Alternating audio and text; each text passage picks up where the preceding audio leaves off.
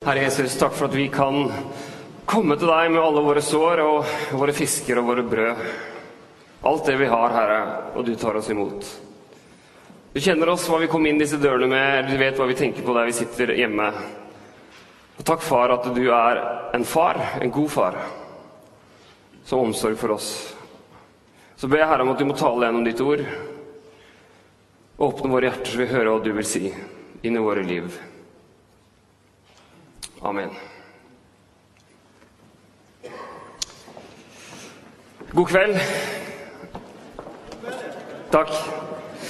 Eh, veldig fint å være her igjen. og eh, Vi har så vidt begynt på denne her uka. Det er onsdag, og jeg fortalte i går til de som var her da, at mitt tema for denne uka er hva kristen tro tilbyr. Jeg ønsker å fortelle om hva jeg tror kristen tro og Jesus har å tilby i vår tid i 2015. Og som dere ser, så tilbyr den tirsdag, onsdag, torsdag, fredag, lørdag, søndag. Eh, mandag er det dårlig med. Men eh, i går så hadde jeg overskriften at kristen tro tilbyr radikal selvinnsikt og håp om bedring. Og nåde uansett. Du trenger ikke å late som, du trenger ikke å ha perfeksjon og, og late som at alt står bra til, fordi at Gud vet hvordan det er. Du kan ha en radikal innsikt, eller selvinnsikt. Og så fins det håp om bedring. Jeg fikk ikke sagt det så mye, men vi kan komme til Jesus. Og så kan han ta tak i de tingene vi sliter med, og så kan ting bli bedre. Uansett hva som skjer, så er det nåde. Jeg snakka om eh, HM til KTT, hvordan vi mennesker knoter det til, osv. I morgen, eh, I morgen skal jeg snakke om at kristen tro tilbyr en konkurrent til den nest beste guden. Det var noen som lurte på om jeg skulle lage sånn topp tre-liste over guder, og, og, men det har jeg ikke tenkt å gjøre. Men uh, det nest beste skal jeg snakke om i morgen. Jeg skal snakke på fredag om at Gud tilbyr skitne hender og en enorm potensiell avkastning. På lørdag er det ungdomsmøte. Jeg skal snakke om at Gud gir oss andres liv i våre hender. Og hva gjør vi med det? Hvordan behandler vi de andre livene? Og de andre menneskene og de andre kroppene skal jeg snakke om da. Så er det søndag. Avslutter vi med absolutt ingenting. Så det er ingenting virkelig verdt å høre. Det er ingenting å komme for, det lover jeg. Så kom på søndag også. Um, og i dag omvendt rekkefølge og armlengdes avstand. I vår tid så blir man fort uh, kalt mørkemann når man mener noe om moral. Men forsidene er fulle av masse råd og regler og tydelige formaninger og krav, svart på hvitt, eller skrevet i nettbrettvennlige versjoner, og bloggene er fulle av det. Jeg gjorde et lite søk på, på Google, og hvis man skriver inn 'slik får du', så foreslår Google masse søketreff. og Det er ikke sånn at det er ikke lenger sånn at du får opp de forrige søka du gjorde. Jeg vil bare presisere det. Eh, og eh, hvis vi får den opp her, så Men, det, kan, det, kan, være at Google foreslår noen ut fra hva, han, hva, Google tror du er interessert i. Jeg vet ikke om det er så mye mer, om det blir så veldig mye mer oppmuntrende av den grunn. Men, men det fins masse tips der ute om alt mulig. Hvordan du kan få det ene og det andre, og hvordan du kan bli en perfekt versjon av deg selv. Det fins masse krav. Eh, kropp, for eksempel. Det er veldig viktig å ha en bra kropp. Jeg håper du har en bra kropp. At du tar godt vare på helsa di, for kroppen er jo et tempel. Jeg håper du spiser bra. At du trener, og at du har en sportsbod full av treningsutstyr, og at du ofte bruker det, og at du legger ut bilder av det på Internett. Jeg håper du spiser økologisk. Og jeg håper at du tar vare på kroppen din. Og det fins masse dietter hvis du sliter med helsa. Det fins eh, høykarbo og lavkarbo og 5-2 og jojo er en veldig populær diett, har jeg hørt. Og eh, Men det fins mange spiseforstyrrelser. Bulimi, anoreksi, overspising eller tvangsspising. Og den nye, som er den største økende spiseforstyrrelsen i Norge i dag, ifølge helsesøstre, er ortoreksi. En sykelig oppdatert av sunnhet. Man sliter med å spise fordi man blir så enormt opptatt av at det skal være sunt. Man er i selskap og får servert et kakestykke og vet ikke hva man skal gjøre med det, og man lider av ortoreksi, og det er en tung byrde å bære. På enkelte skoler i Oslo, Oslo vest spesielt, så er det som helsesøstrene tar tak i at ungene er for tynne. Fordi at foreldrene er så sykelig opptatt av at det skal være sunt. Og En helsesøster sa en gang at jeg anbefaler noen foreldre å sette seg ned, eller sette seg ned som familie og spise en pose boller. Bak brødet selv, spis fint, spis sunne middager, ta bilder og legg det ut på internett. Jeg vet ikke hva vi gjorde før. Det må være litt tungvint før når vi tok bilder av maten vi spiste. Og så måtte vi liksom sende den filmrullen til den butikken, og så måtte det gå en ukes tid. Så måtte vi gå og hente bildene, og så måtte vi gå rundt på torget og ringe på naboen og si 'Her har jeg spist forrige uke'. Og her er et bilde av eh, middagen jeg hadde på torsdag. Her er kaffekoppen jeg tok nå på fredag. Det var så fint hjerte på den. Det var veldig tungvint, men hva gjorde vi før, altså? Det er viktig å ha en bra kropp.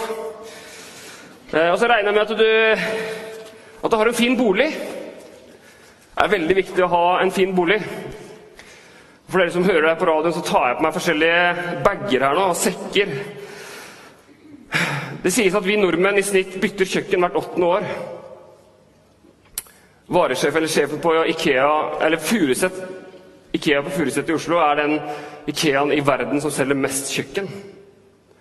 Og han lurte, Det er en utenlandsk eh, sjef der som lurte på hva, hva er det med dere nordmenn. Dere, hvor mange steder har dere som dere trenger kjøkken? Og sånn at Vi har jo mange. Vi har hus, og vi har hytte på fjellet, og vi har på, eh, ved, sjøen. Vi pusser opp på 60 milliarder kroner i året. Mye mer enn noen andre i Europa. Dobbelt så mye som de som er nummer to, nemlig svenskene. Og vi nordmenn er de eneste som bruker ordet 'koselig' om husene våre. Vi vil at det skal være koselig. Og Det kan være fordi det er så kaldt at vi er mye inne, jeg vet ikke, men det er viktig å ha et fint hus og et fint hjem, og du må ta noen bilder av det og legge det ut på Internett hvis du, hvis du har en fin, fin, pynt i stua di, og når du har pynta til satt opp juletreet. og Det er veldig viktig, og så må det være ryddig. Jeg regner med at du har siste mote når det gjelder hus. Akkurat nå, akkurat nå så, Jeg snakker om det huset jeg holder på å bygge. Jeg skal ikke snakke noe om det. Det har egentlig vært litt mitt mål, men akkurat nå så sitter snekkerne og han jeg bygger sammen med, og jobber med det huset de holder på å bygge inn i Oslo. Jeg sitter jo egentlig i glasshuset her. Eller huset er av tre, da, det vi bygger, men du skjønner. Og så er det økonomi. Apropos hus, det er veldig viktig å ha en sunn økonomi. Og jeg regner med at du har kontroll på økonomien din. Det er veldig viktig å ha kontroll på økonomien. Men det er ikke alle som har det.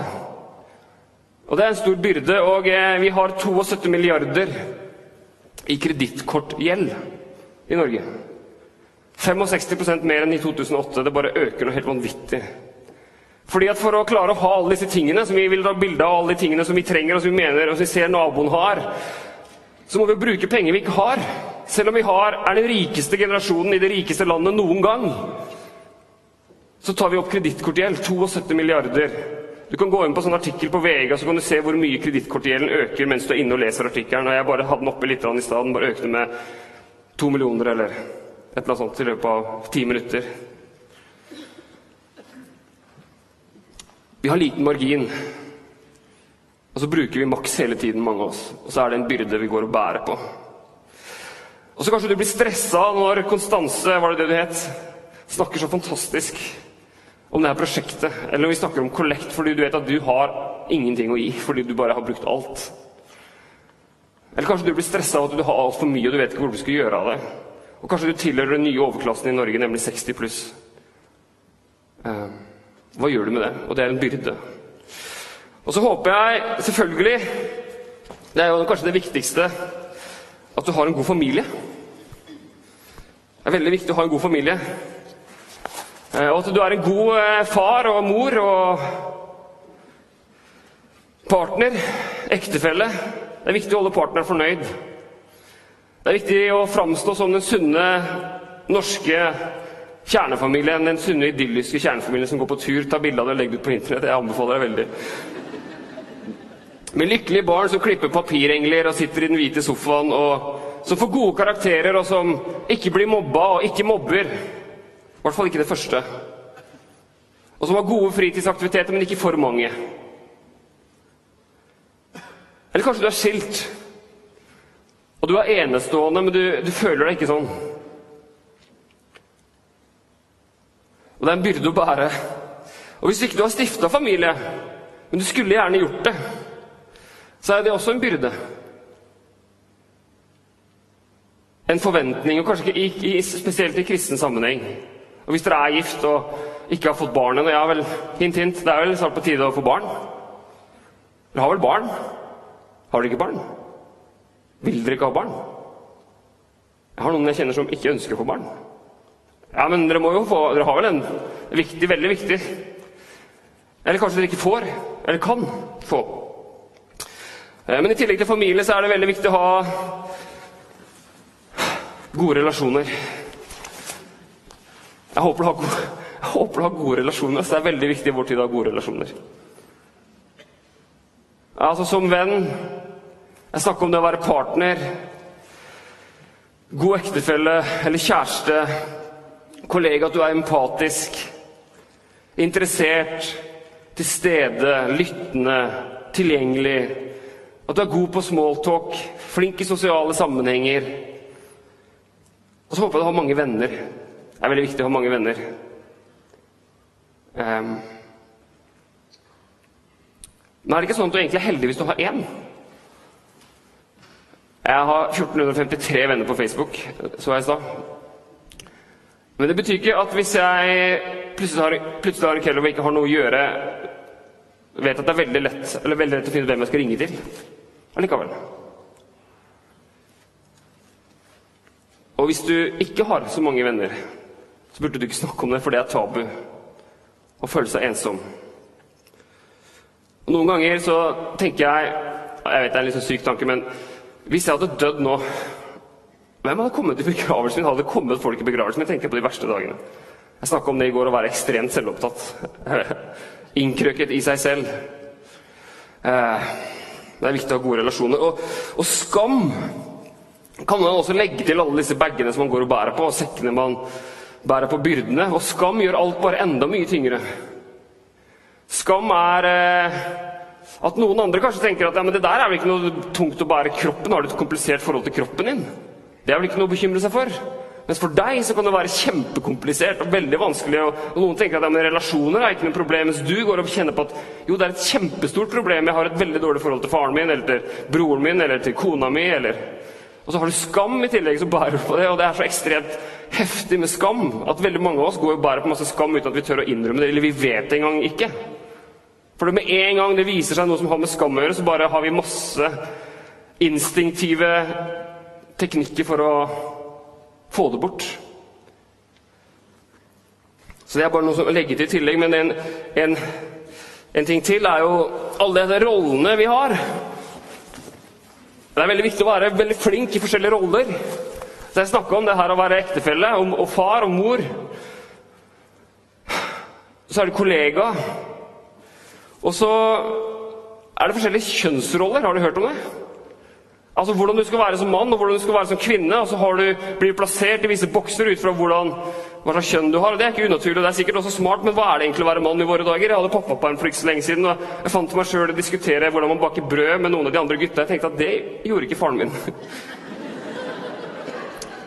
og, og, jeg sier ikke at det er noe gærent med det, men, det, men det, er litt, det, er litt, endringer der. Det er en Hva er det å være kvinne nå? Altså Det vet jeg, jeg veldig lite om, men men eh, hva, hvordan hva er det å være mann? Jeg vet ikke det så mye om det heller, egentlig. Jeg har hørt at eh, Knausgård har en diskusjon med feministene om dagen, og det, det, handler om egentlig om det som er den neste sekken her. Åh, det blir veldig mange sekker å bære her nå, kjenner jeg. Vi tar den Det har med sex å gjøre. Ja, for du har vel jevnlig spennende tilfredsstillende kreativ sex. Altså, det er veldig viktig. Ta bilde av det og legg ut på Nei. Eller kanskje du ikke har det. Men, for, men uh, det er mange som vil fortelle deg hvordan du kan få det. Og Kanskje du hører om hvor ofte gjennomsnittet har sex, og så tenker du ja, de spurte ikke meg, for da hadde snittet gått ned. Og så er det en byrde å bære. Og kanskje du kjenner på et sexpress eller en forventning. Eller kanskje du har forventninger som ikke blir møtt. Og det som var ment å tilhøre en pakt i gode og onde dager, har i stadig, stadig større grad, grad, blitt løsrevet og blitt noe man må levere og prestere og bytte bort i en forhandling om noe annet. så kjenner du presset og tyngden. Eller kanskje du ikke er gift, og samtidig ønsker å følge Bibelens ideal om at, sex tilhører en livslang, forpliktende relasjon. Og så irriterer det deg at på Bibelens dager så ble gifta folk som når de var 15, mens du er over 30, og, og fins det dispensasjon da? Og man er jo et seksuelt vesen, selv om man ikke er seksuelt aktiv med et annet menneske. Og hvordan skal man se på seksualiteten sin som en gave om man ikke kan leve den ut? Og så har vi bare så utrolig mange spørsmål og byrder vi kan bære på. Og spørsmålet når vi bærer på alle disse bagene, alle disse sekkene, når vi ser på alle de andre sine sekker og bager, det er jo, vi, vi spør jo så om eh, er jeg normal. Jeg håper jeg er normal. Det er veldig viktig å være normal. Og Det er ikke et spørsmål som bare ungdommene sender til Topp og andre blader. og, og, og sånne ting. Men det er et spørsmål som vi alle lurer på hele tida. Er jeg normal? For Det er veldig viktig å være normal. Vi har ikke så veldig mange bager igjen her nå, heldigvis. Ah, men vi har karriere. Det er veldig viktig. Tar det rundt hodet. Karriere. Det er veldig viktig å ha en bra karriere. Jeg håper du har en bra karriere. At du har en spennende jobb med god lønn, og jeg håper at du bør ha ambisjoner. Du tenker vel ikke å jobbe deltid? Tenker du å jobbe deltid? Vet du hva det gjør med pensjonen din? Vet du hva det gjør med karrieremulighetene? Eller kanskje du vil ha en karriere, men alle rundt deg forventer at du ikke skal ha en karriere. Og så er det en byrde. Og så begynner det å bli ganske tungt, men heldigvis det, er det bare én bag igjen. For de fleste av oss her inne ah, Vi må med oss Gud i tillegg. Og nå begynner det å bli ganske tungt. Fordi at Altså, det er viktig å, viktig å med seg Gud. Så vi holder Gud i gang, og vi synger sanger, og vi ber. Og vi engasjerer oss i kirka, for det må man gjøre. Det virker som at hvis ikke vi engasjerer oss i kirka, så dør Gud. Og så begynner det å bli ganske tungt og slitsomt. Så jeg tror jeg bare legger meg ned her sånn. Det sa ikke Jesus noe om at uh, vi skal ta opp et kors og bære? Det høres ganske tungt ut. Og sa ikke Jesus noe om at eh, hvis vi kom til Han når vi hadde tungt å være, hva innebærer egentlig det? Hvorfor er dere bekymret for klærne? Se på liljene på marken, hvordan de vokser. De strever ikke og spinner ikke. Men jeg sier dere, selv ikke Salomo i all sin prakt var kledd som en av dem. Når Gud kler gresset på marken så fint, det som gror i dag og kastes i ovnen i morgen, hvor mye mer skal han ikke da kle dere, dere lite troende? Så gjør dere ikke bekymringer, og si ikke:" Hva skal vi spise? Eller hva skal vi drikke? Eller hva skal vi kle oss med? Alt dette er hedningene opptatt av. Men den far dere har i himmelen, vet jo at dere trenger alt dette. Søk først Guds rike og hans rettferdighet. Så skal dere få alt det andre i tillegg. Så gjør dere ingen bekymringer for morgendagen. Morgendagen skal bekymre seg for seg selv. Hver dag har nok med sin egen plage.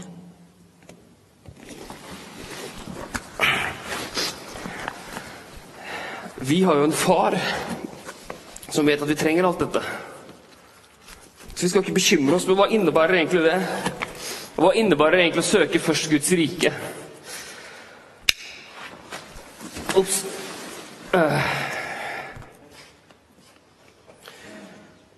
Vi har jo en far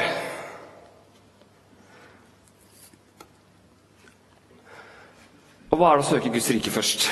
Og én ting vi kanskje må gjøre da, det er i hvert fall å fjerne den bagen som heter Gud her. Og skjønne at Gud er ikke en ting vi skal bære. Han er ikke en på lik linje med, med alt det andre. Alle de andre tingene. Han er ikke et av kravene. Han er en far som vet at vi trenger alle disse andre tingene. Men han er ikke en ting å bære. Vi er skapt i Guds bilde. Det er ikke vi som bærer Gud, men det er Gud som bærer oss. Det er Han som har skapt oss og bærer oss. Jeg jobba på en barneskole en gang. Den gangen jeg var ungdomspastor, som jeg fortalte om i går, og fikk 1500 kroner og gratis bolig i lønn eh, tilbake på 1960-tallet. Eh, eller der omkring. Og så sto det i biblioteket en plakat en gang, husker jeg. I begynnelsen skapte mennesket Gud. Og Jeg reagerte ikke når jeg gikk forbi det i starten, for jeg tenkte at det er så fint at de har bibelvers her. Og så sa jeg at det var feil rekkefølge.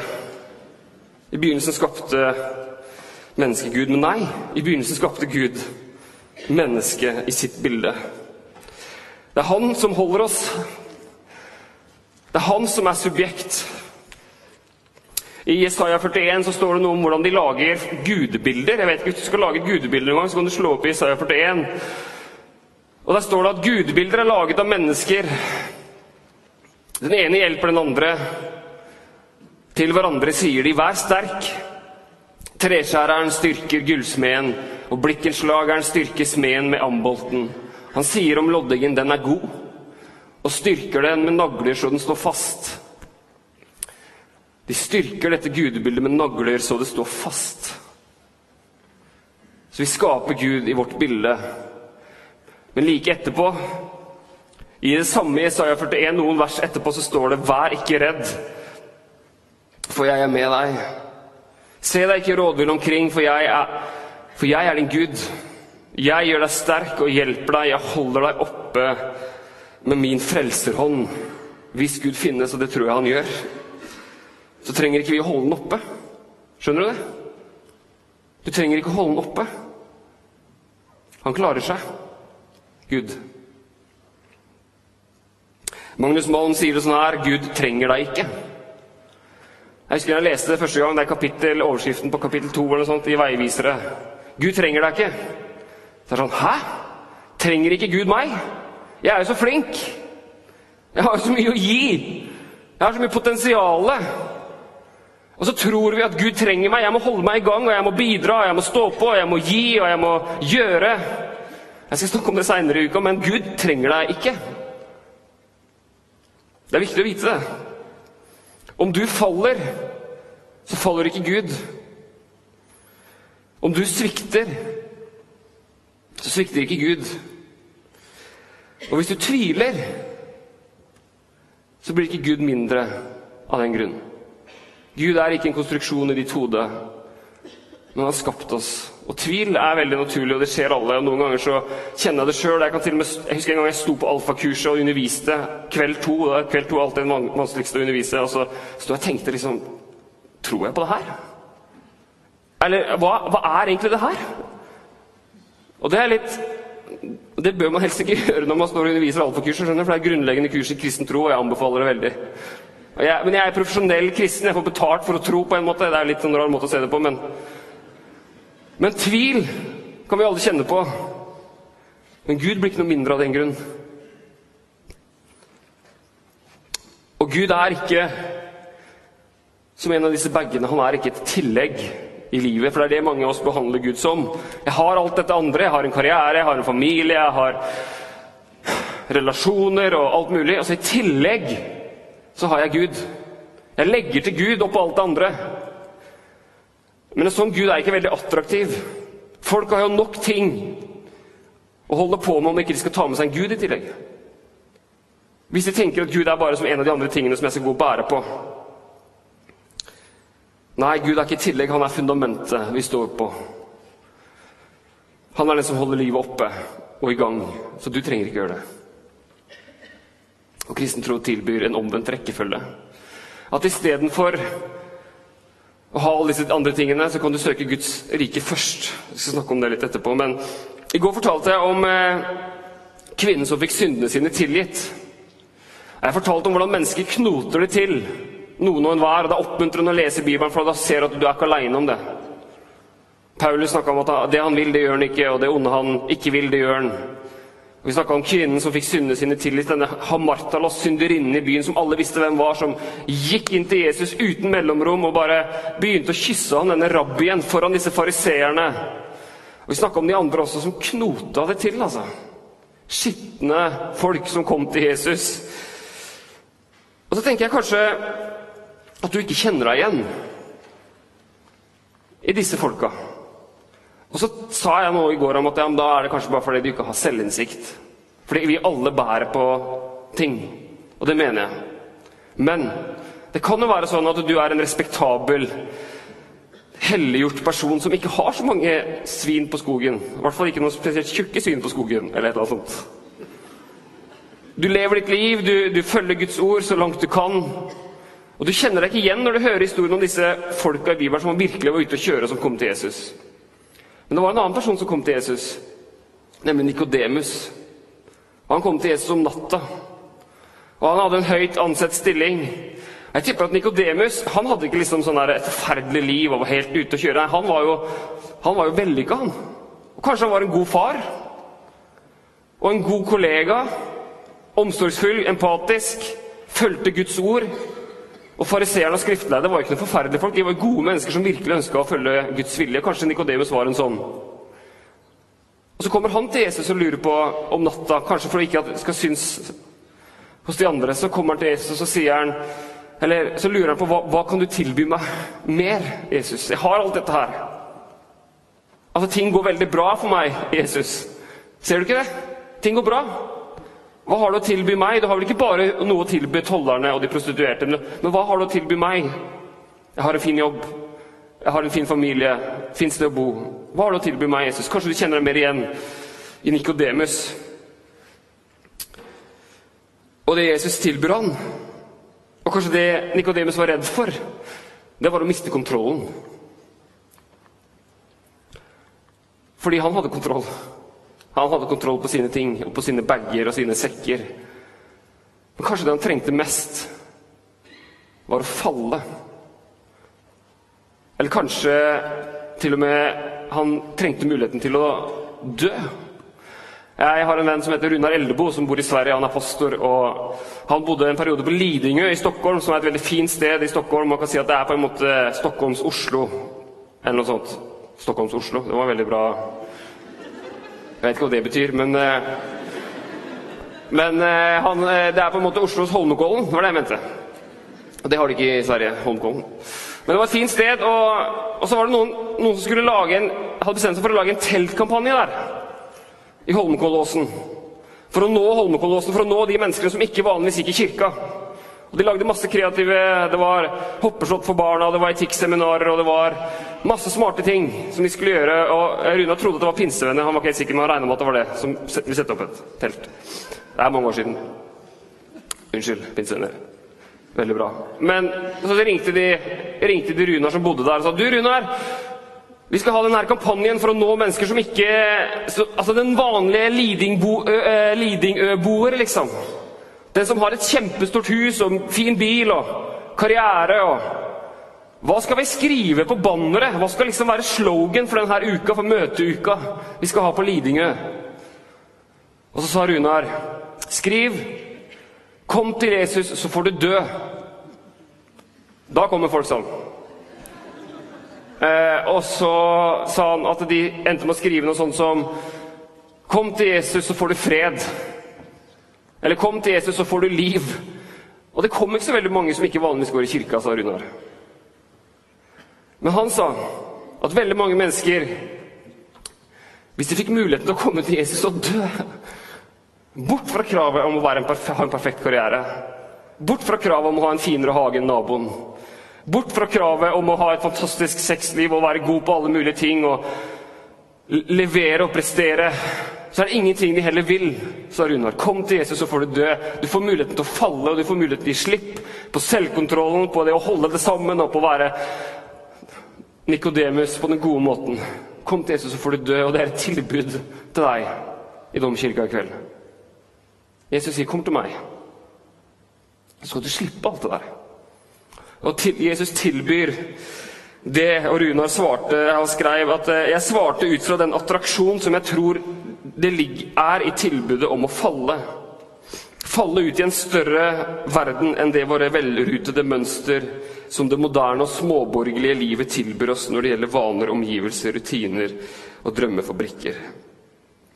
Jesus tilbyr en armlengdes avstand til alle disse tingene som kan eie våre liv.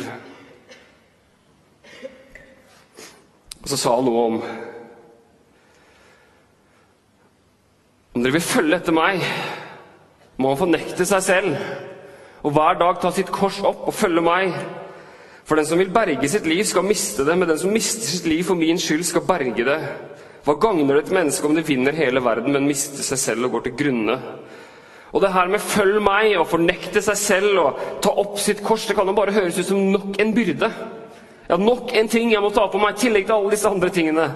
Nei, det er en mulighet. Det er en mulighet, en invitasjon til frelse og til å slippe alle disse andre tingene. Eller til å slippe at de skal være i sentrum av livet ditt. For for Sønnen frigjort dere, da blir dere virkelig fri. Da kan dere få en liten avstand til det. Til pengene, til karrieren, til alle kravene. Jeg skal snakke mer om det seinere i uka. Men da kan man få det litt på avstand. Sånn at man kan se det som gaver isteden.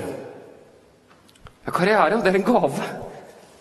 Ja, sex, ja, det er en gave jeg har fått av Gud. Og kropp er jo i hvert fall en gave. Altså, Gud er jo kjempepositiv til kropp. Han ble jo en kropp. Han hadde ikke blitt det om han ikke var veldig positiv til kropp. Og Så kan du begynne å se det som en gave istedenfor en byrde. Og Så sa Jesus, 'Kom til meg, alle dere som strever av tunge byrder, og jeg vil gi dere hvile.' 'Ta mitt åk på dere og lær av meg, for jeg er mild og ydmyk av hjerte.' Så skal dere finne hvile for deres sjel, for mitt åk er godt, og min byrde er lett. Gå sammen med Jesus, så vil jeg oppdage at hans byrde er lett, og han vil hjelpe deg å bære. Kanskje du er her i dag og du kjenner at du har bare altfor mange av disse bagene hengende over deg og rundt deg, og du kjenner bare at 'jeg vet ikke om jeg klarer mer'. Og Jesus sier 'kom til meg', så kan du få dø. Bort fra det der. Du kan få en armlengdes avstand til alle kravene og alt det du føler at samfunnet pålegger deg at press om å være på en viss måte. Eller kanskje kommer du dit og tenker at 'jeg er vellykka, jeg trenger ikke alt dette her', men kanskje Jesus tilbyr deg muligheten til å slippe taket litt. Å slippe selvkontrollen. Jeg har lyst til å utfordre kanskje spesielt på tre ting. At de som har tungt å bære, de som kommer hit og kjenner at «Åh, jobben min den bare kveler meg. Eller ekteskapet mitt. Jeg kjenner bare at det er en stor, stor tung byrde. Uansett hva det er, kan du komme til Jesus med det og si at 'Jesus, det her Nå jeg kommer til deg med det, jeg trenger hjelp til det'. Og så handler kanskje det om å søke først Guds rike handler liksom ikke om å, å sette Gud øverst. Ofte så tenker vi sånn at det, ja, da setter vi Gud som nummer én. Og så på nummer to så har vi familie. Det bør du i hvert fall ha om du har familie. det tenker vi ofte, Så må du ha kanskje karrieren. Og så, og så er det liksom 1, 2, 3, 4. Men kanskje det å søke først Guds rike handler om at i alle ting At Gud er ikke på den lista, men at i alle ting så søker du Gud først. Eller Gud er en viktig del av hele ditt liv. Og det er ikke en sånn der rangering, men i alle ting skal vi komme til Jesus. Og kanskje du har latt feil ting ta for stor plass. Jeg tenkte å si noe om avgudsdyrkelse, men jeg rakk ikke. Jeg kan være glad for det, for det er ikke så veldig hyggelig å snakke om. Kanskje jeg tar det i morgen. Men du har latt noe av det her ta altfor stor plass i livet ditt. Og du har gjort noe som skulle være periferien til sentrum. Du har gjort noe som ikke er skapt til å være periferien, eller skapt til å være sentrum til sentrum, og det er en dårlig måte å bygge sitt liv på. Kanskje du trenger å si at denne tingen, det sabla fokuset på kropp, eller den enorme fokuset på å være sunn, eller på penger, det tar sentrum i livet mitt. Det har blitt sentrum i livet mitt, og jeg trenger å gjøre noe med det. Kanskje det skal du gjøre i kveld. Bestemme deg for å gå ut herfra med en, et ønske om at det ikke skal eie deg og bli sentrum i livet ditt. Herre Jesus, takk for at vi kan komme til deg. Og når vi kommer til deg med våre liv og alt det vi har å bære på, så kommer ikke du med et kors som en byrde, Herre, men du kommer med som en frihet. At på deg kan vi legge alle våre ting. Ved korsets fot så kan vi legge oss sjøl og alle de kravene og forventningene som vi kjenner. Og vi kan bli fri fra det her, og vi kan få en armlengdes avstand til det. Sånn at det ikke eier oss, men at du eier oss. Så Herre, så vil jeg be for de som er her inne, som kanskje ikke kjenner deg, eller som ikke tenker om seg sjøl at de tilhører deg, Herre. At du må møte dem, at de må oppleve at det du har å gi, ikke er nok et krav, men at det er en, en mulighet til frihet og til hjelp.